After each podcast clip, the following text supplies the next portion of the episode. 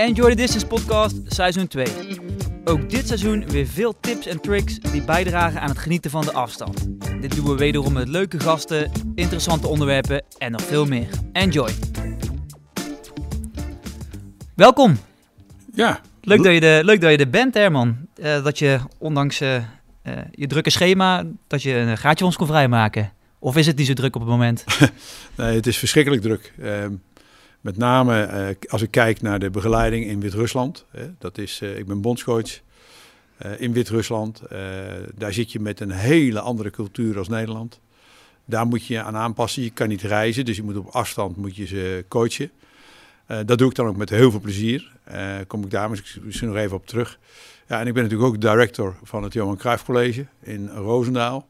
Waarin we 160 topsporters hebben. En eh, ja, die jongens die zijn allemaal zoekende in deze tijd van corona. Hoe kan ik gemotiveerd blijven? En eh, hoe kan ik mijn studie combineren? Wanneer mag ik wel op school zijn, wanneer niet? Welke regels? En dan ook nog eens een keer elke keer de regels veranderen. Ja, dat geeft heel veel eh, onrust. En dat moet je allemaal Ja. organiseren. Dus dat, dat houdt je wel van, de straat, zeg maar. Dat haalt me van de straat van s morgens vroeg tot s avonds laat. Ja, Ja. ja. Oké, nou ik denk straks nog wel wat leuke onderwerpen die we aan kunnen snijden. Absoluut. Ja. Eh, we hebben wat, eh, wat vragen gekregen van luisteraars. Want vandaag gaan we het hebben over, eh, over motivatie. En dat is vrij belangrijk, zoals je zelf al zegt, hè, ook in deze moeilijke tijden. Ja. Dus de eerste vraag die ik gekregen heb van, van René is... is er een bepaald muziekgenre die motivatie stimuleert? Nou, dat is natuurlijk een hele leuke vraag. ehm, omdat je ziet in verschillende sporten verschillende genres. En ik denk op de eerste plaats dat het voor elke persoon persoonlijke smaak is. Maar kijk je bij het Nederlands dameselftal eh voetbal, die hebben slagers en die zijn vooral Nederlandse muziek georiënteerd.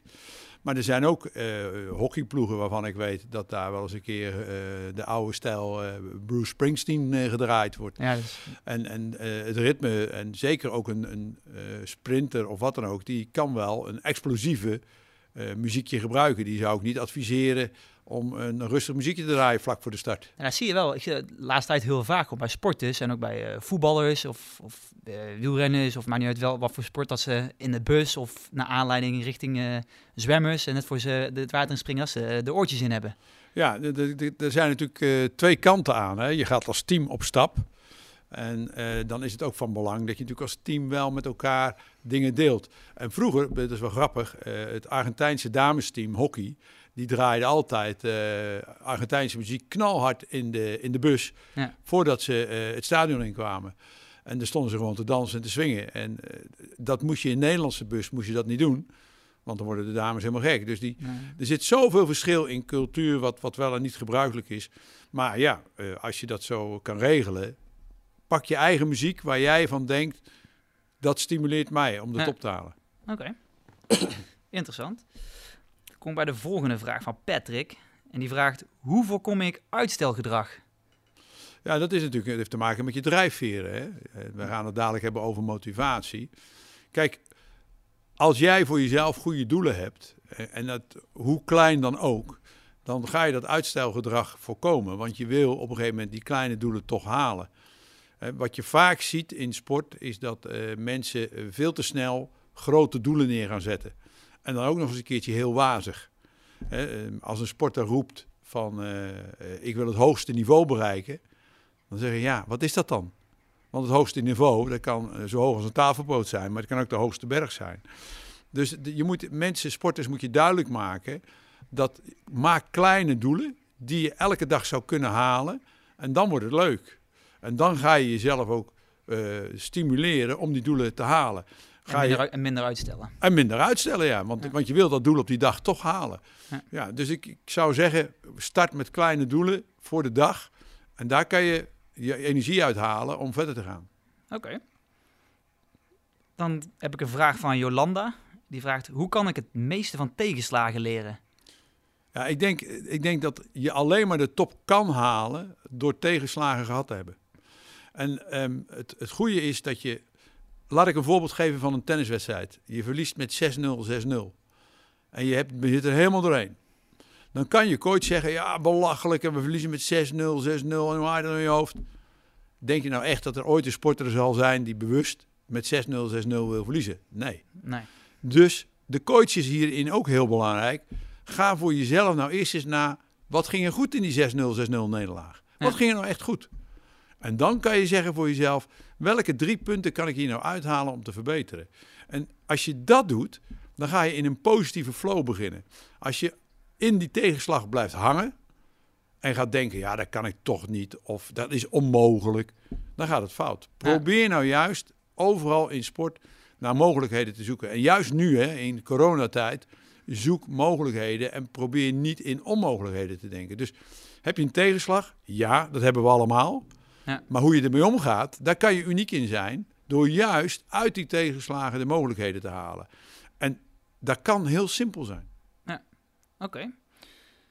En je, je gaf net ook aan, hè, die, die, die, die, die corona die, eh, is natuurlijk dat is hartstikke, hartstikke lastig. En uh, dan kom ik ook bij de laatste vraag van Iris. Hoe blijf ik gemotiveerd na anderhalf jaar corona met onder andere thuiswerken, een eigen gezin, de avondklok en alles, en alles wat gesloten is? Ja, nou goed, ik, ik, ik zie dit terug op school. Hè. Ehm, de talentvolle sporters, waarvan de ene wel mag sporten en de andere niet. Ik zie het bij mij thuis, waar mijn vrouw al meer dan een jaar thuis werkt. Hoe hou je je gemotiveerd? Nou, start in ieder geval de dag alsof het een normale werkdag is. Ja. Hè, in plaats van naar je, naar je werk te rijden met de fiets of met de auto of wat dan ook, of met openbaar vervoer. Ga in ieder geval vooraf een wandelingetje maken. Zodat je even de mindset hebt, ik ben even los en nou ga ik, ik kom thuis en dan ga ik aan het werk. En als je de mogelijkheid hebt, als je thuis werkt, om een apart kamertje te hebben waar je werkt, hou dat ook apart en ga niet aan de keukentafel zitten of ga niet in de woonkamer zitten, want dan kom je niet van je werk los. Juist te, te, te verbonden met... eh, Ja, dan blijf je verbonden, ja. En het, het is juist zo goed om te simuleren dat je eh, naar je werk gaat. Dus je doet een wandelingetje van een half uur, als je ongeveer een half uur naar je werk gaat. Je zet de mindset op werk en dan begin je met een fris hoofd aan je werk. En dat is een hele belangrijke. Tweede is, zorg dat je in beweging blijft. Ehm, je ziet veel, dat eh, veel mensen thuis zitten, eh, weinig staan, En één stuk doorwerken. één stuk doorwerken. Ja. Wat ook niet goed is. Nee. Probeer, als je koffie gaat halen, loop er naartoe. Maak gewoon squats bij het eh, aanrecht. Maak uitvalstappen. Druk je een keer op terwijl die koffie door staat te lopen. Ma- zorg dat je in beweging komt. En dat is een hele belangrijke. Juist die beweging. Want ik hoor ook veel mensen roepen: ja, ik heb coronakilo's. Ja, dat weet ik. Maar daar kan je ook wat aan doen. Zeker. Hè? En ik denk dat het heel belangrijk is dat je juist in die structuur eh, gaat aanbrengen voor jezelf. Oké, ik start mijn werk met een ommetje. Ja. Ik ga aan het werk. Ik heb om tien uur koffiepauze. Dan ga ik ook even uit die ruimte. Ik ga desnoods even naar de keuken. Ik ga daar Ja. wat oefeningetjes doen terwijl de koffie doorzoopt. En ik drink een kop koffie. Ja. Probeer uit de sleur te blijven. Maar dat heeft denk ik ook te maken, die, die coronakilo's, met de, met de intrinsieke motivatie. Aangezien als dat echt voor jou belangrijk zou zijn, dat die kilo's eraf moeten gaan omdat je jezelf niet goed voelt, dan doe je er wel iets aan. Ja, je ziet hier ook eh, wel een beetje van, ja, we zijn zielig, want we zijn opgesloten en we Ja. kunnen niks. En, we, en dat bedoelde ik net al met het, eh, het, het positief denken en het vooral ook in mogelijkheden denken. hè. Kijk, intrinsieke motivatie heeft te maken met je drijfveren. Ja. Wat wil ik uiteindelijk bereiken? Ja. Eh, En als je die drijfveren hebt, als je die goed kan benoemen voor jezelf, dan moet je ook nadenken welk gedrag er dan bij zit. Ja. Hè, ik ben coach en als, een- als ik met een speler of een speelster in gesprek ben, dan vraag ik, wat is jouw doel? En dan is het heel vaak, ja, mijn doel is het hoogst haalbaar. Ik zeg, nou, gefeliciteerd, dat wil iedereen. Ja. Maar wat ga je er nou voor doen? En dan is het van belang dat je in kleine hapjes gaat nadenken over, wat ga ik nou doen om over vier jaar een doel te bereiken? Vier jaar is heel ver weg. Ja. Dus gaan we het klein maken. Wat ga ik wekelijks doen? En dan zeg ik niet dat, en dan ga ik het naar de topsport halen. Een topsporter die heeft altijd een planning van Olympische cyclus. Ja. Altijd vier jaar. Dus die zegt, waar sta ik in 2024 bij de Olympische Spelen in Los Angeles? Dan ga je terugrekenen, stap voor stap voor stap voor stap. Hoe ga ik daar komen? En dan moet het niet zo zijn dat je elke dag bezig bent met ik moet presteren. Nee, eerst plezier. Eerst plezier in de dingen die je doet. Ja. Want als je uit het proces gaat van plezier, dan ga je die vier jaar niet volhouden. Nou, in, in, in het klein, voor, de, voor degenen die thuis zijn of, of de amateursporter, maak het klein, maar zorg wel dat je met heel veel plezier die dingen doet. Ja. Dan heb je de drive om het te doen. Dus het eigenlijk begint ook bij, die, bij waar je zegt die drijfsferen van uh, waar, wat, wat je zelf wilt van binnen. Ja, de drijfveer is natuurlijk op alle fronten van belang voor de motivatie. Ja. ik, ik kan honderd keer tegen jou zeggen, ja, je bent een geweldig talent. Maar laten we vooropstellen, ieder mens heeft talent en je bent eigenaar van je eigen talent. En het vervelende is dat ook al heb je talent, als iemand met wat minder talent harder werkt, dan verslaat hij je ook. Ja. Dus probeer het talent wat je hebt te ontwikkelen. Zelf te ontwikkelen. En zelf goed na te denken, hoe kan ik dat talent ontwikkelen? Dat is in wezen de intrinsieke motivatie. Want daar wil ik het vandaan halen. als ik, ik sprak laatst een darter en die zei, ja, ik wil bij de beste 128 van de wereld komen. Ik zeg, mooi, wat ga je ervoor doen? Ja, hij zegt, ik ga niet meer trainen, want ik heb talent. Oké, prima. Maar ik denk dat er ongeveer 100.000 andere darters zijn die misschien iets extra's gaan doen. Op het gebied van voeding, op het gebied van mentale training, op het gebied van reactie. Uh, noem het maar op. En die misschien minder talent hebben. En die minder talent hebben. Dan ga jij het niet halen. Dus maak een plan. En dat plan, dat komt voort uit de drijfveer. Wat wil je halen? Dus bepaal een doel op lange termijn, bepaal een middentermijn, maar ook korte doelen. Ja, nou, die kleine hapjes weer. Uh. Weer die kleine hapjes. En dan zie je dat die darter ineens het heel, heel, heel leuk kan gaan vinden.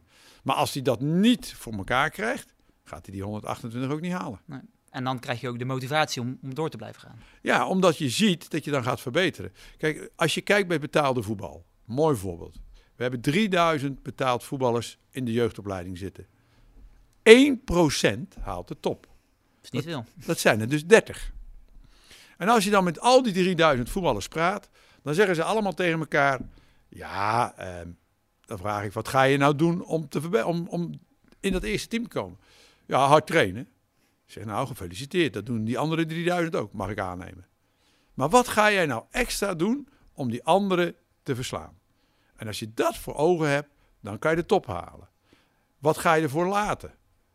want juist ook in, in alles wat je doet, heb doelen voor jezelf. Maar realiseer je ook dat het ook keuzes maken is. Kijk, als iemand zegt, even terug naar de coronasituaties. Ik ben zielig mhm. en ik vind het lastig om te bewegen. Dan is dat jouw keuze. Ja. Dan moet je niemand anders verwijten. Maar jij vergeet waarom je eigenlijk niet dik wil worden. Ja. Ga nou eens nadenken, waarom wil ik niet dik worden? Ja, want dan voel ik mezelf slecht of dan, eh, et cetera, et cetera. En als ze dat in gaan zien, dan denken ze, hey, ik kan mezelf ook thuis uh, opdrukken of ik kan naar buiten gaan en 10.000 stappen zetten. Kijk, hoe klein je ook woont, je kan altijd wel ergens iets bedenken aan oefeningen thuis alleen al, die je tussendoor kan doen tijdens je werk. Ja. Hè?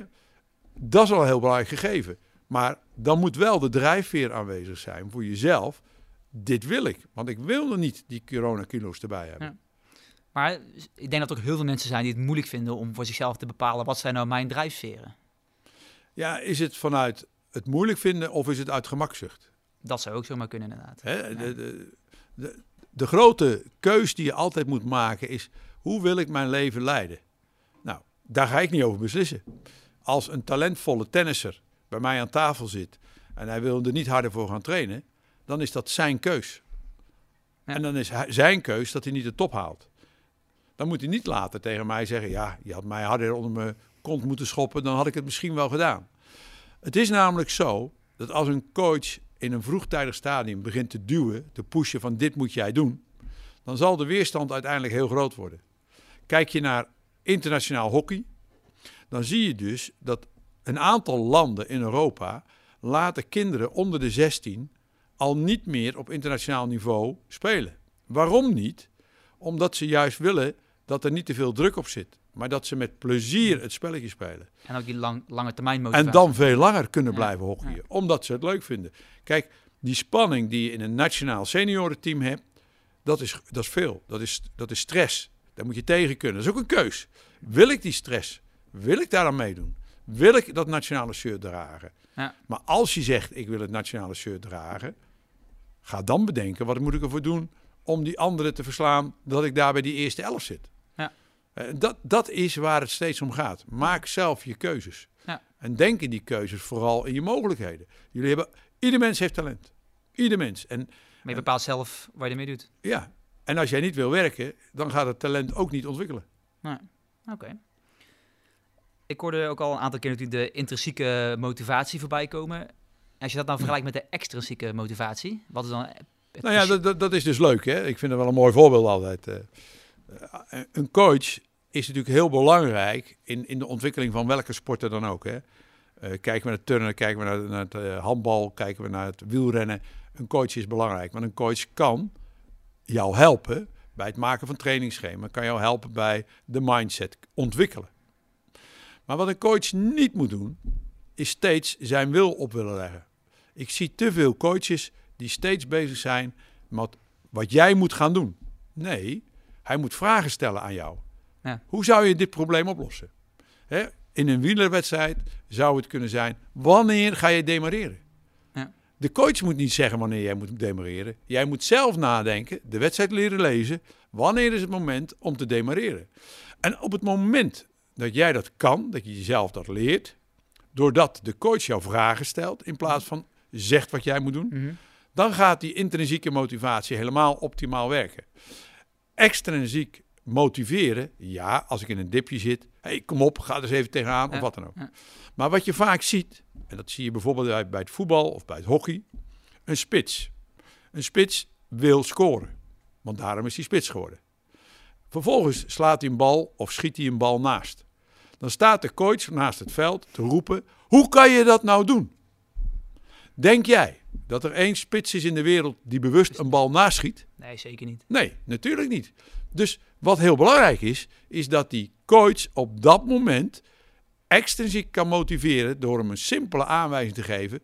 Volgende keer bij de aanname de bal iets meer naar de rechterkant of iets meer naar de linkerkant. Dan Ja. schiet je makkelijker of schiet die bal in die situatie misschien wel met de buitenkant van de voet. Ja, precies. Dan is een hele andere manier van coachen. Waarmee je die speler toch in zijn waarde laat. En hem toch ook helpt. Door te roepen, hoe kan je dat nou doen? Bij hem de rest van de wedstrijd waarschijnlijk kwijt. Want dan loopt hij de hele wedstrijd denken, ja, coach is weer boos op mij. Want ik heb die bal gemist. Ja. Maar hij mist hem niet opzettelijk. Nee. Dus extrinsieke motivatie. Ja, dat kan de coach brengen. Dat kan je vriendin brengen. Dat kan de, de ouders brengen. Maakt niet uit. Maar het beste is dat je voor jezelf de keuzes maakt. En, en dat zie je in het voetbal. Ik mis in het voetbal vaak dat coaches eh, vragen aan het team hoe te spelen. Een coach pakt voor de wedstrijd een bord, begint heel druk te tekenen zijn verhaal en zegt dan: Zo gaan we het doen. Eigenlijk vrij ouderwets. Als je, als je dan kijkt naar bedrijfsvoering, heel erg top-down natuurlijk. Ja. En, en, en dan zeggen wij dus tegen elkaar: Nou ja, de, de, de- de jongens gaan het veld in en dan verliezen ze. En dan roept de coach na afloop: We hebben verloren, want ze deden niet wat ik zei. Nee, het was niet hun verantwoordelijkheid.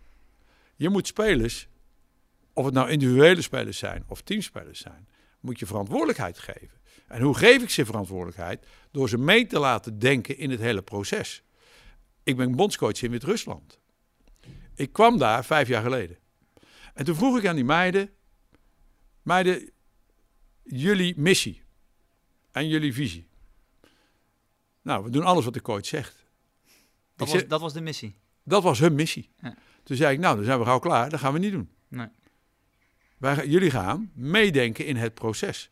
Jullie missie is dadelijk dat jullie kunnen verwoorden wat wij willen uitstralen. En onze visie is wat we over een paar jaar willen bereiken. De top waarschijnlijk. Ja, nou ja, nee, in ieder geval kwalificatie bijvoorbeeld. En voor het EK het behalen van de halve finale indoor. En op het veld behalen van de aanpool. Dus- In, hè, Kleine stapjes weer. kleine stapjes weer. En wat je dan ziet, daar hebben ze twee jaar over gedaan om te leren dat ik vragen stel. Want zij gingen vanuit, en dat is natuurlijk ook een beetje vanuit hun achtergrond. Ze gingen vanuit, de coach komt binnen en die gaat mij zeggen wat ik moet doen. En dan doe ik trouw mijn best en dan heb ik het weer goed gedaan. En dan gaan we er komen. En dan gaan we er komen. Nou, dan gaan we er niet komen. Want als ik tegen jou moet zeggen, jij moet demareren. Of jij moet een stap naar rechts in, de, in deze tactiek. Of jij moet een stap meer naar binnen verdedigen. Als ik het moet zeggen, dan zijn we al te laat. De speler, dus de sporter, moet zelf leren na te denken, wat is het juiste moment? Ja. En dan kan je achteraf op videobeelden, heb je met hem een gesprek over wat de keuzes die hij gemaakt heeft. En als die, die keuzes goed of fout zijn, is helemaal niet interessant. Het gaat erom, welke keuze heb je gedaan en wat zou je de volgende keer doen? Dat hij, dat hij ervan leert. Ja.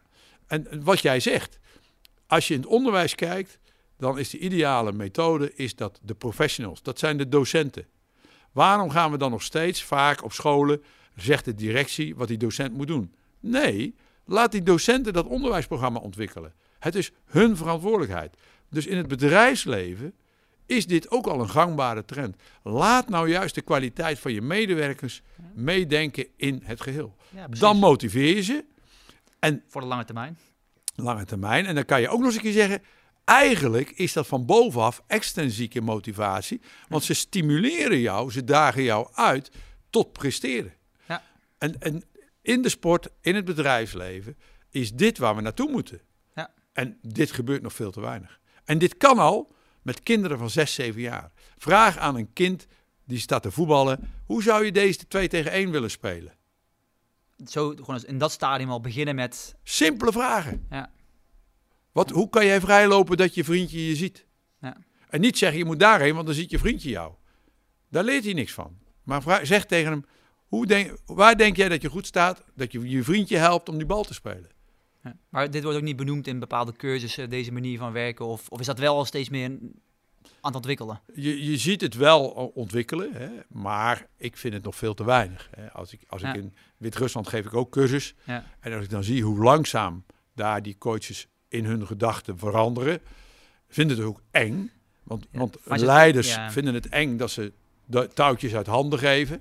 En die denken in de Oostblok is het natuurlijk ook vrij traditioneel Ja, ja, ja. en ja, ouderwets. ja. Maar dat is wel een mooie, mooie discussie en vergelijking. En, en ik leer daar ook wel dingen hoor, want eh, begrijp me goed. eh, sommige dingen zijn heel handig. Dat wijkt een beetje af van het verhaal hier. Maar als er een beslissing in Nederland wordt genomen, dan gaan er 20.000 man over hebben. Ik ga daar naar de minister van Sport. Ik leg mijn programma voor. Ik zeg, dit willen we graag gaan doen. En het is ja of het is nee. Meer smaken zijn er niet. Hele En- korte lijnen. Dat is een hele korte lijn. Ja. Dat kan in besluitvorming wel eens makkelijk zijn. Maar hij vindt het wel raar dat ik mijn spelers zoveel verantwoordelijkheid geef. Want hij zegt vaak tegen mij: Ja, maar jij bent toch de coach? Ja, ik ben de coach, maar ik moet hun leren nadenken. Ja, dat is ook een, een doel van de coach. Ja, en dan zie je dus dat wij in eh, eh, augustus 2019 hebben we verschrikkelijk slecht gespeeld op het veld. En werd ik ter verantwoording geroepen. En terecht, hè, begrijp me goed, want ik ben eindverantwoordelijk. En toen zei hij, hoe komt het nou? Toen heb ik hem aan kunnen tonen waarom het kwam. En toen zei hij, nou, dan geef ik jou nog één kans. Nou, dat vond ik mooi. Maar het leuke was, hij had vijf adviseurs, oude topsportatleten. En die zeiden tegen hun minister, wij zouden willen dat wij deze coaching hadden gehad. Daar hadden we het wel langer misschien over gedaan naar de top, maar we waren we er gekomen. Nu zijn we gebleven ook nog wel. ja, en gebleven. Half jaar later worden we Europees kampioen. Indoor. Was de eerste Europese titel voor het land Wit-Rusland. Belarus moet ik zeggen, want eh, Wit-Russisch is niet goed. Belarus. Je begrijpt de euforie. die Toen al net, hè, anderhalf miljoen mensen in Belarus hebben naar die finale gekeken. En ik heb later, hingen wij met grote posters in de stad. Omdat het de eerste overwinning heeft zoveel emotie losgebracht. Dat is wel heel mooi mee te maken. En die meiden hebben zelf de tactiek bepaald hoe we Nederland in de finale moesten verslaan. En dat is waar het om gaat. Ja. En dat heeft hun weer zoveel eigenwaarde en vertrouwen gegeven, dat ze daardoor ook er stonden. Ze geloofden in het plan wat ze zelf bedacht hadden. Mooi verhaal. Ja, nou ja, goed, maar daar gaat het om. Geef mensen de ruimte zich te ontwikkelen. Wat ik ook wel een heel in- interessant, eh, in- interessant vind, wat denk ik ook wat best vaak door elkaar gehaald wordt, is het, het verschil tussen wilskracht en doorzettingsvermogen ten opzichte van motivatie. Ja, dat is wel leuk. Is pre- Is prestatiegedrag, hè? Ja, En waarom heet het gedrag? Omdat wij zeggen in een team, ik vind het altijd wel mooi om te zien. Eh, dan zit zo'n team bij elkaar en dan zeggen ze: Jongens, we gaan er vandaag tegenaan. Ja, nou, wat zegt dat nou? Of als het een tijdje slecht gaat, dan komt zo'n team bij elkaar. Hè, Het Nederlands elftal gaat vandaag ook weer praten natuurlijk. Ja, ja, ja, we moeten beter ons best doen. Dat is lulkoek. ja, Want beter je best doen zegt niks over jouw gedrag. Je moet afbakenen, wat zie ik dan? Als eh, Jantje zegt, ik doe mijn best, dan is de eerste vraag die het team aan hem moet stellen... Jantje, jij zegt dat je je best doet. Maar wat zie ik dan? als, jij, ja, als, als hij zijn best doet. Ja, ja. welk gedrag zie ik dan? En laat hem dat benoemen. Als als eh Dick Advocaat roept, eh, er waren te veel spelers tijdens de wedstrijd afwezig. Waar meet je dat aan? Heb je van tevoren afgesproken wat dan dat prestatiegedrag in het veld is? Dan moet je daarop sturen. En dan moet je tegen Berghuis zeggen: jij zou in je gedrag tackle back lopen. En dat doe je niet. En als je dat drie keer niet doet, dan moet je zeggen: kom maar naar de kant, ga lekker zitten. Want je hebt aan je team afgesproken dat jij het gedrag zou tonen Ja. om ook je verdedigende taak te doen. En dat doe je niet. Daardoor staan we steeds in ondertal. Nee. Nee. En Maar dat is ook het mooie verschil tussen, denk tussen, tussen verwachtingen en afspraken. Ja, dat, Dat- Maar, maar, maar dat komt omdat Ja. we het aan de voorkant niet regelen. Ja. Als ik een nieuw team krijg, dan is het eerste wat je doet, is de missie, de visie, de kernwaarden en de doelen bepalen. Ik kan je rustig zeggen dat driekwart van de Nederlandse trainers doet dat niet. Vervolgens, als je die kernwaarden niet benoemt, gedrag, eh, hoe je met elkaar omgaat, heb je na een half jaar stront in het. Want ze spreken elkaar niet aan en het gaat onderhuids woeden. Terwijl als ik aan de voorkant, en dat geldt in jullie bedrijf hier net zo, Dat is net een bedrijf ook net zeggen. ja, als jullie een nieuwe, een nieuwe speler in dit bedrijf krijgen, dan moet je met elkaar even gaan zitten en het met elkaar hebben over de missie, de visie, de kernwaarden en doelen. Want anders zeg jij na twee maanden, hé hey, Truus, we hebben jou hier aangenomen en jij straalt niet de visie uit en je hebt niet het gedrag wat wij verwachten. Nee, vind je het gek? Je hebt het ook nooit verteld. En daar gaat het nou om. Als jij vragen stelt, wat verwacht jij hier? Dan kom je in gesprek en dan gaat zij nadenken, oh, wat verwacht hij hier? Wat moet ik doen? Hoe is mijn taak? Ik heb een mooi voorbeeld. Ik gaf een keer een presentatie voor twee grote bedrijven die gingen fuseren. En aan de ene kant zat een, een, eh, telefonist en aan de andere kant een telefoniste. En toen zei ik tegen de ene, te- 200 mensen in de zaal. Ik zeg tegen de, de ene telefoniste, als jij de telefoon opneemt, hoe reageer je dan? Ja, heel vriendelijk hè? en aardig en meedenkend. ja. Ik zeg, en jij? Ja, zegt ze, ik ben eh, heel zakelijk hè? en eh, ik vraag alleen to the point. Ik zeg, wacht even. Jullie zijn één bedrijf. Dat gaat je- niet goed. Dat gaat niet goed. En het kwam dus dat er van bovenaf nooit een sessie en ruimte gegeven was om met elkaar het over te hebben. Wie zijn we nou eigenlijk? Ja. Wat willen we? Ja, het is net een bedrijf. eh, is- Ja, maar dat is dus in elke sportploeg essentieel. Als je dat aan de voorkant niet regelt, Ja. heb je tijdens het seizoen stront aan de krikken. Ja, dat is wel... eh, ik denk dat, het, dat er inderdaad heel weinig gedaan wordt. Veel te weinig. Dat je een elftal eigenlijk als een bedrijf runt. Ja. Maar- ja. Oké. ehm, als je gaat kijken naar, nog een naar die lange termijn, eh, lange termijn bij motivatie. Zijn er dan dingen die, waar, dat je kan zorgen dat je echt continu gemotiveerd blijft daarvoor? Nou ja, natuurlijk. Kijk, je, hebt, je maakt, allereerst moet je dat doel goed neerzetten. Hè? Ja. In 2024 ga ik dit doen. En dan ga je kijken welke stappen wil ik maken, op welk toernooi wil ik pieken, welk toernooi neem ik wat rust, of is het een oefentoernooi of wat dan ook. Door dan te beginnen van nu, hè, eh, 20, 2021, eh, het is maart, ik wil in juni wil ik daar staan. Hoe ga ik daar dan weer komen? En die kleine stappen, die benoemen en niet steeds zeggen, ik moet over vier jaar in de finale op een Olympische Spelen staan. Want als dat gaat doen, kom je er niet. Er Dus te veel moeten wordt het dan. Veel te veel moeten en er komt er veel te veel druk in en, en je, dan gaat het plezier weg. Dan Ja. zit je thuis ook, moet nou dit doen, moet, moet, moet, moet. Nee, Ja. je mag. Jij hebt ervoor gekozen. Jij vindt het leuk. Straal het uit. Als iemand tegen mij zegt, ik vind het leuk om te schermen of te voetballen, wat zie ik dan aan jou? Ja. Dus daar gaat het om. En dat ze hem ook terug kunnen vertalen naar eigenlijk de situatie bijvoorbeeld thuis met de coronakilo's. Van ik, eh, ik, ik, moet sporten of ik moet bewegen. Nee, je, je wilt bewegen omdat je dan hè, minder last van je nek krijgt of lekkerder in je vel zit. Of, Ja, en dat is jouw keus. en, daar, en daar begin je dan eigenlijk mee. Daar begin je mee, ja. Ja. De, de keus moet zijn, hoe voel ik mij het beste? Ja. Schrijf nou eens op, hè, ik wil zijn, eh, ik noem maar even wat, augustus 2021. Dan wil ik zijn eh, een meneer die goed in zijn eh, vel zit in de vorm van... Ik eh, kan één maat kleinere broek aan, ik kan een maat kleinere trui aan. Ik eh, ben weer aan het sporten. Ik, nou, hoe ga ik daar dan komen? Dan ga ik niet op de eerste beste dag 10 kilometer hardlopen om daar te komen, want dan gaat het fout. Dus dan moet ik nadenken, hoe kom ik daar dan? En dat plan opstellen is al de drijfveer voor jou. Want je neemt zelf verantwoordelijkheid voor die drijfveer. En dan maak je die stappen. En dan, ja, dan mag je bij vijf kilometer, als je vijf kilometer dan op een leuk tempootje kan lopen. En al is het maar de helft lopen en de andere helft Ja. hardlopen, vier dat moment. Wees trots op jezelf. hey, kijk eens jongens, ik heb dit gedaan. Door een plannetje te maken, drie keer in de week te gaan bewegen en daar wil ik komen. Ja. Nou, dat stimuleert jezelf. Ja, precies. En dan ook die, die doelen die je dan stelt, hè, wat, dat, waar je daarmee begint, dat in, in kleine haalbare doeletjes eh, Ja. op te hakken.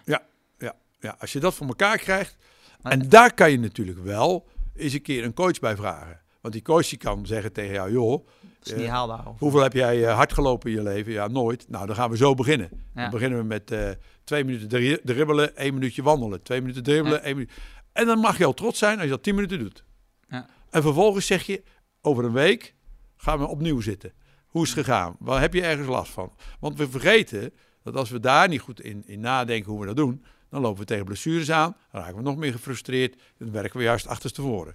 Ja. Dus die coach kan daarin de juiste vragen stellen. Hoe voel jij je? Ja. Je hebt nou een week dit schemaatje gedaan. Hoe voelt dat aan? Kan je meer aan, denk je? En dan zegt hij, nee, nog niet. Dan doen we dat nog een keertje een week hetzelfde. Totdat het moment is dat je aangeeft, ja, ja ik voel me goed en ik, ik, ik voel dat het makkelijker gaat. Nou, dan gaan we het een beetje verzwaren. ja, dan kijk je heel tijd zo weer naar, naar het volgende doel. Ja. Denk je wel eens dat iemand eh, geen doelen meer, dat, dat, die, dat die zo ver raakt dat er geen doelen meer zijn? Nee, Nee, nee, ik kan je een voorbeeld geven. Ehm, ik was coach van eh hockeyclub Den Bosch dames. We werden landskampioen en we werden Europees kampioen. En een week later zaten we bij elkaar. En dan zeiden we tegen elkaar: wat gaan we veranderen? Wat ging goed dit seizoen? Wat gaan we verbeteren? CQ veranderen om het jaar erop weer kampioen te worden. Dus we gingen niet zeggen: achterover hangen. achterover hangen. Het is wel goed. Het is wel fijn zo. Nee, juist niet. Heel bewust. En, en dat is ook een hele belangrijke periode. Hè. Heel veel coaches vergeten het ook. Als je een, eh, een performance hebt gehad, dan moet je altijd even evalueren met je team. Wat is er nou goed gegaan in deze periode en wat gaan we in de komende periode verbeteren? Nou, dat kan dus zijn dat eh, we bijvoorbeeld iets te weinig aandacht aan dit hebben besteed, of eh, we moeten iets fysieker worden, of we moeten zus, of we moeten zo. Maakt niet uit. Maar laat het team dat duidelijk aangeven, waar ze behoefte aan hebben. Ja. En dat is dan weer de stap naar een nieuwe cyclus. En daarmee hou je ze gemotiveerd. Wat ik ook heel veel doe in Wit-Rusland, is dat ik, als we twee keer trainen op een dag, dan is de middagtraining, moeten ze invullen wat zij willen verbeteren. Elke dag opnieuw. Ja, Of elke trainer. Of elke, nou ja, dat ze geven ze dus aan voor een hele week wat ze in de middag willen verbeteren. Dus, en daar maken wij dan groepjes van. En die krijgen dan hulp bij het verbeteren van dat deel. Ja. Als je een ander hulpmiddel wil hebben, jij gaat hardlopen. Stel voor jezelf, wat wil ik vandaag verbeteren? Voordat je een training begint, geldt voor fietsen. Hoeveel kilometer wil ik een keertje op die snelheid rijden? Ja. Eh, kleine verbeterpunten voor jezelf neerzetten. Daar heb je geen trainer voor nodig. Die trainer, die maakt wel de grote lijn en die geeft die oefeningen wel. Maar jij kan voor, voor jezelf heel goed bepalen wat je voor jezelf wil verbeteren. Een voetballer, als die naar de training gaat en denkt... ik eh, moet vandaag van pilon A naar B en van B naar C... dan zeg ik, nou ga maar naar huis, want je leert niks. Nee. Dan wordt het een procesmanagement. En dan is de trainer ook een procesmanager. Want hij zet de pilonnen uit, hij roept een keertje, je moet van A naar B en dat is het. Maar dat is geen trainen, dat is bezigheidstherapie. Als ik vraag aan zo'n sporter, wat kom jij vandaag doen om te verbeteren? hey, mindset. Veranderd. Hetzelfde met een warming-up. Nooit een warming-up hetzelfde. Altijd anders. Waarom? Wat zie je bij al die clubs? Ze gaan allemaal met dezelfde warming-up beginnen. Wat gebeurt er? Er is geen focus. Want we kennen dit trucje al. Door elke keer een andere warming-up te maken, activeer ik mijn hersenen. En is de eerste de beste oefening die komt, is mijn team gefocust. Dan hou je ze scherp. Ja, dat is de truc. Dat je elke keer ze reset en weer Ja. laat denken Ja. en op laat starten. En dan kom ik even terug op het corona-rondje, hè, wat je Ja. dan loopt 's ochtends om, om fris te zijn. Ja. Elke dag een ander rondje. Niet elke keer straatje om, straatje om, straatje om. En thuis?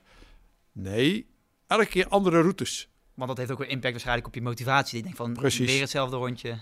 En, en pak ook eens een keertje eh, wat verder weg. Voor mij dan ga je een stukje op de fiets. En ga je, zit je fiets tegen een boom en loop je mooi langs het Markdaal of waar dan ook. En maar die mindset moet je steeds triggeren. wat ik wel interessant vind ook, en wat je al een klein beetje kort benoemd hebt uh, eerder, is kijk, als het goed gaat, dan dat, dat, is, dat is positief. Maar wat nou als je een beetje in de put komt, slash uh, je motivatie weg hebt? Hoe kun je toch weer die switch maken dat je wel weer gemotiveerd wordt? Nou, nou op de eerste plaats, op het moment dat jij, kijk, als je, als je een team creëert, dan kijk je ook naar kleuren. Hè, de profielen van de, van de speler. Ik denk dat in het bedrijfsleven langzaam zeker begint dat ook te komen, dat je kijkt naar de profielen. Dan weet je ook hoe je mensen moet aanspreken. Het kan best zijn dat jij een hele introverte figuur bent. En dat ik jou dan in zo'n situatie extravert moet toespreken. Om een beetje jou te triggeren. Ga ik introvert met jou mee. Van ja, het is allemaal zielig. En het is corona. En het is afschuwelijk. Dan zak jij nog verder in de put. Dus ik moet kijken naar welke kleur heb jij nou eigenlijk in je profiel. Hoe kan ik jou helpen? een, een resultaatgericht iemand is een rode kleur die leert door te kijken naar toppers. Een tennisser wil snel leren. En die wil dan een, een tennisser die denkt: hey, ik pak de video van Roger Federer. Als ik die nou maar lang genoeg imiteer, dan word ik dezelfde Kom ik wel. Ja. dan ben ik ook zijn, die, uh, die 20 titels. Ja, maar dat is zijn leerstrategie. Ja, ja, ja, Terwijl als jij, hè, je hebt hier in het bedrijf heb je een aantal creatievelingen zitten, die voor jullie die hele mooie shirts ontwikkelen. Ja. Als ik die de ruimte geef, dan komen ze met de meest mooie ideeën. Maar ze hebben ook wel slechte dagen. Je kan niet zeggen, je moet morgen een collectie af hebben. Nee, maar, gaat, maar, maar, maar, juist in de coach zijnde, hè, als hij dan zo, zo'n slechte dag heeft, dan is hij chaotisch. En dan is het belangrijk dat jij weet, hoe kan ik hem nou helpen om even terug te komen vanuit dat chaotische, vanuit die teleurstelling dat er niks uit zijn handen komt, naar, nou, dat kan zijn introvert of extrovert, en ook vragen stellen. En de ene heeft dan meer behoefte aan wat we dan vroeger noemden de schop onder zijn kont, ja. en de andere heeft meer behoefte aan de aai over de bol. Nou, spreek van tevoren al af, hoe kan ik jou helpen als jij in dat gedeelte komt? Dus die sporter die in die dip komt, die kan ik helpen als ik aan de voorkant al heb afgesproken met hem hoe kan ik jou nou helpen als je in het, veld, in het veld de verkeerde keuzes maakt? In een voetbalwedstrijd, de midden-midden is vaak heel creatief. Als degene die achter hem staat ziet dat hij ontspoort, dan wordt hij chaotisch. Dan weet het hele team niet meer wat hij doet. En dan gaat alles de soep in. Hoe kan ik hem met een korte aanwijzing helpen om weer terug te komen op zijn niveau? Dat hij uit die dip raakt, dat hij weer terugkomt op: hey, ik ben creatief, ik kan iemand vrij voor de goal zetten even terug naar de basis. En hoe krijg ik hem daar? Ja, dus aan de voorkant moet je weten... Eh, hoe je met elkaar omgaat. Ja. Dat is ook een hele mooie om terug te pakken naar de thuissituatie. Als je met een partner leeft of in een gezin. Hoe je elkaar ook kan blijven motiveren of helpen. Ja, dat als, je, als je, als je uh, gaat hardlopen en het lukt een keer niet, dat je dan kan helpen om te zorgen dat het toch weer op het rechte pad komt. Ja, nou ja, wat, wat, uh, ik, ik loop uh, ook door de week geregeld met mijn vrouw nog wel eens een keer een rondje. En ik kan hier wel heel voorzichtig zeggen, die loopt soms harder dan ik. Oh, Ja, ja, maar goed, zij zal nooit zeggen van ja, waarom lopen we zo zachtjes? Nee, ze, ze vinden het gewoon heel leuk dat we met, met elkaar lopen. Ja. Uh, en en uh, ja, zij is ook wel ietsje jonger. Maar goed, daar gooi ik het niet op. Zij is gewoon sneller.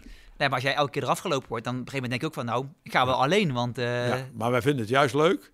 Ja. we zitten wel ongeveer gelijk hoor, met de kilometers. Dus dat, dat, is weer makkelijk. Maar jij vindt bijvoorbeeld krachtoefeningen niet leuk. En toch doen we dat onderweg. Omdat ze wel weet van, hé, hey, dat helpt mij. Dat helpt voorkomen van blessures. En ik wil geen blessures, want ik vind het lopen zo leuk. Dus de drijfveer om die oefeningen te doen waar ze eigenlijk nog niet zo dol op is, is van, hé, hey, het helpt mij ter voorkoming van blessures. Ja. ja. En, en als je dat helder op netvlies hebt, dan kom je ook weer uit de dips. Ja, en dat is denk ik ook een mooie als je gaat kijken naar die, uh, wat het heel bekend is natuurlijk uh, met nieuwjaar, dat iedereen zichzelf inschrijft voor die sportschool, maar na een maand weer uitschrijft, omdat ze denk ik dat gedeelte niet helder hebben. Nee, kijk, als jij, als jij met oud en nieuw, dat is al van buitenaf opgelegd, je moet een wens hebben. Ja. Dus die drijfveer is er helemaal niet. Ja, ik roep het omdat de familie het zo leuk vindt. Maar hier heb ik het niet voor elkaar. Nee. het moet in je hersenen duidelijk zijn, als je op, op 1 januari uh, iets wil gaan doen in die sfeer, dan moet die drijfveer al veel eerder ontwikkeld zijn. Dan moet ik echt weten waarom ik het wil doen en wat ik ga doen. En durf ook te zeggen, wie heb ik eventueel voor hulp nodig? Ja, dat is ook een belangrijke. Ja, Hè, dus, je hoeft niet alles alleen te doen. Nee, als ik in een gesprek zit, nou, dat is wel grappig. Um, ik, ik, moet voorzichtig zijn wat ik zeg. Speler van Willem II. Die, eh, eh, die liep het laatste half jaar meer achteruit dan vooruit. En ik had een gesprek met de, met de nieuwe coach. En waar gaat het dan om? Ga je mij nou wijsmaken dat die jongen die vorig jaar een briljant seizoen speelde, nou ineens niet meer kan voetballen? Nee, dan is er mentaal iets aan de hand. Blijft steeds zelf talent. Het blijft namelijk steeds hetzelfde talent. Wat is er dan aan de hand? Nou, ga in gesprek als coach met die jongen. En durf als coach te zeggen: hoe kan ik jou helpen? En als daaruit blijkt dat hij zegt: ja, ik, ik, ik, ik, ik faal een beetje en ik, ik vind het vervelend dat ik het team. Ga dan die jongen zeggen: joh, zou het wat zijn dat jij dit of dat gaat doen? En het kan, ook zijn, ja. het kan ook zijn dat je een sportpsycholoog vraagt om Ja. te helpen. Schaam je daar niet voor. Maar durf het. Precies. En, en als coach moet je niet denken dat jij het wil oplossen. In onderwijs zie je heel vaak dat een student heeft een probleem. Die gaat in gesprek met zijn docent. En voordat die student goed en wel zijn probleem heeft neergelegd, heeft de docent al twaalf adviezen gegeven. Daar heeft die jongen niks aan. Laat hem zelf nadenken. Wat is in jouw ogen een oplossing? Ja, want als je, als je het antwoord al geeft, dan blijft hij de volgende keer. Dan zegt hij, dat moest ik toch doen voor jou? Ja. Of dan vraagt hij weer om het antwoord. Ja, nou, dat moeten we dus niet hebben. En vervolgens, dus coachen is luisteren. En dat is een hele mooie uitspraak. Luisteren is meer dan je mond houden. Je moet ook de juiste vragen blijven stellen. En uiteindelijk kan je tegen zo'n jongen zeggen, of tegen zo'n student zeggen: Hé, hey, nou heb je dit allemaal gezegd. Wat voor cijfer geef jij je nou als het gaat over je motivatie? Ja, als die dan zegt een 6 of een 7, dan zeg je, nou, dat gaat hem niet worden. Dan moet het dan echt uitspatten. Daar ga ik voor. Maar stel, durf ook de vraag te stellen: welke hulp heb je nodig? Ja. En denk niet dat jij als docent of als coach dat allemaal zelf moet bedenken. Nee, alsjeblieft niet zelfs. Want dan leg je de verantwoordelijkheid bij jou en zij komen ermee weg. Want ze raken, ik heb een goed gesprek gehad met de docent. Die zei, zeggen, "Ja, dat moet doen. ga ik doen. Opgelost. Opgelost. En als het dan na twee weken niet werkt, ja, dat moest ik doen van de docent. En dan kom je weer in die loop terecht. En dan kom je weer in de loop. Ja. Dus voor, voorkom dat. Wat ik ook nog wel geïnteresseerd naar ben, is eh, de connectie tussen zelfvertrouwen en motivatie. Want als je bijvoorbeeld kijkt naar die speler van Willem II. eh, als hij misschien iets, ja, iets minder presteert, hè, gaat misschien zijn zelfvertrouwen omlaag. En waarschijnlijk ook zijn motivatie verder omlaag. Nou ja, daar, daar heb je het. Hè. Eh, elke speler moet je op, op zijn manier benaderen. Een coach moet dat van tevoren al weten. Dat heeft hij van tevoren al in teamsessies bekeken, gedaan.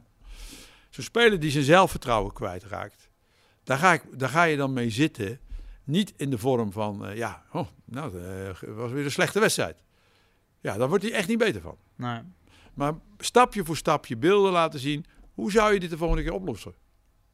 Laat hem meedenken in het proces. Wat zou jij willen trainen eh, om dat vertrouwen terug te krijgen? Ja, de kleine, kleine successen boeken, Kleine successen boeken. die vieren. En dan komt dat weer. ja, En dan gaat hij wel met plezier dat veld op. En dan gaat hij wel weer zijn tackleback lopen. En dan gaat hij wel weer zijn mannetje En uitspelen. dan kom je in een positieve En dan kom je in die positieve flow. Ja, ja. En dat is eigenlijk wat je steeds moet doen. Ja. De juiste vragen stellen om die sporter in de juiste flow te krijgen. Ja, en dan als je projecteert naar de thuissituatie, is dan bij je partner de juiste... Ja. Absoluut. Ja. Ehm, als we nou kort zouden moeten eh, samenvatten wat nou de, de, de beste stappen zijn om gemotiveerd te blijven voor de lange termijn, hoe zou je het dan samenvatten? begin in ieder geval eh, je drijfveer voor jezelf helder te hebben. Breng dan voor jezelf duidelijk in beeld welk gedrag je dan ook toont. En durf dat ook uit te spreken naar anderen. Dit is mijn drijfveer, dit gedrag zie je van mij. En vervolgens ga je aan de slag met kleine doelen. Kleine, haalbare doelen. Zonder te vergeten een wat langere termijn doel en een middentermijn eh, termijn doel te maken. Als je dat voor elkaar krijgt, en dan ook nog eens een keer durft te zeggen: kijk eens wie mij zou kunnen helpen. Niet met te roepen wat ik allemaal moet doen, maar gewoon door de goede vragen te stellen. En mij mee te laten denken in wat ik wil ontwikkelen. Dan ben ik ervan overtuigd dat het gaat lukken. Ik denk dat dat een hele mooie, eh, een, heel mooie samenvatting is. Ehm, ik wou nog een eh, afsluitende vraag stellen die we bij elke aflevering eh, eh, stellen. En wij staan voor Enjoy the Distance als merk zijnde. En wat betekent genieten van de afstand, afstand van voor jou? Dus het kan bijvoorbeeld zijn, hè, die afstand kan voor jou zijn dat jij richting Olympische Spelen werkt. Of, wat, wat betekent genieten van de afstand voor jou? Het genieten voor mij is het proces naar de eerste Europese kampioenschappen in Praag. Dat spelen we in augustus. Genieten van het proces omdat je uit een hele moeilijke tijd komt, de COVID-tijd. waarin wij hier in Nederland niks mochten, waar in Belarus wel heel veel mag. Totaal verschillende werelden. en toch genieten dat ik daar die meiden weer terug kan brengen op het internationale niveau. Door de dingen te doen die we net besproken hebben. Dat is voor mij genieten op afstand. En dan is de, de lange termijn voor mij is het WK in februari indoor. Uh, een droom zou zijn dat we daar de finale spelen. Want we zijn tegen alle verwachtingen in vorig jaar Europees kampioen geworden. En als wij nu tegen alle verwachtingen wereldkampioen worden, dat is een droom van mij dan teken ik daar hier nog even voor. En, en daar is genoeg motivatie voor, denk ik. Uh, ongelooflijk veel motivatie. En, en ook, en vergis je niet, hè, ehm, in Wit-Rusland, in Belarus hebben we natuurlijk te maken met een heel lastig politiek systeem. Uh, ik ga daar niet over uitweiden, want daar moet ik mee uitkijken. Daar zou ik mensen mee kunnen beschadigen. Uh, maar ik zeg jou, daar zijn voor die meiden die in zo'n moeilijke omstandigheid leven, dat is voor mij ook al een enorme stimulans en een drijfveer om die meiden te helpen. Mooi, heel mooi, uh, mooi voornemen. Ja. Dan wil ik je hartstikke bedanken voor uh, alle mooie verhalen en tips en uh, vragen die je beantwoord hebt. Dankjewel, ik vond het heel leuk. Dankjewel. Bedankt voor het luisteren naar deze aflevering van de Enjoy the Distance podcast. Wil je na het luisteren van deze aflevering ook direct gaan genieten van de afstand in onze kleding? Laat dan een review achter en wie weet ben jij de gelukkige winnaar van de prachtige kledingset. Enjoy the distance.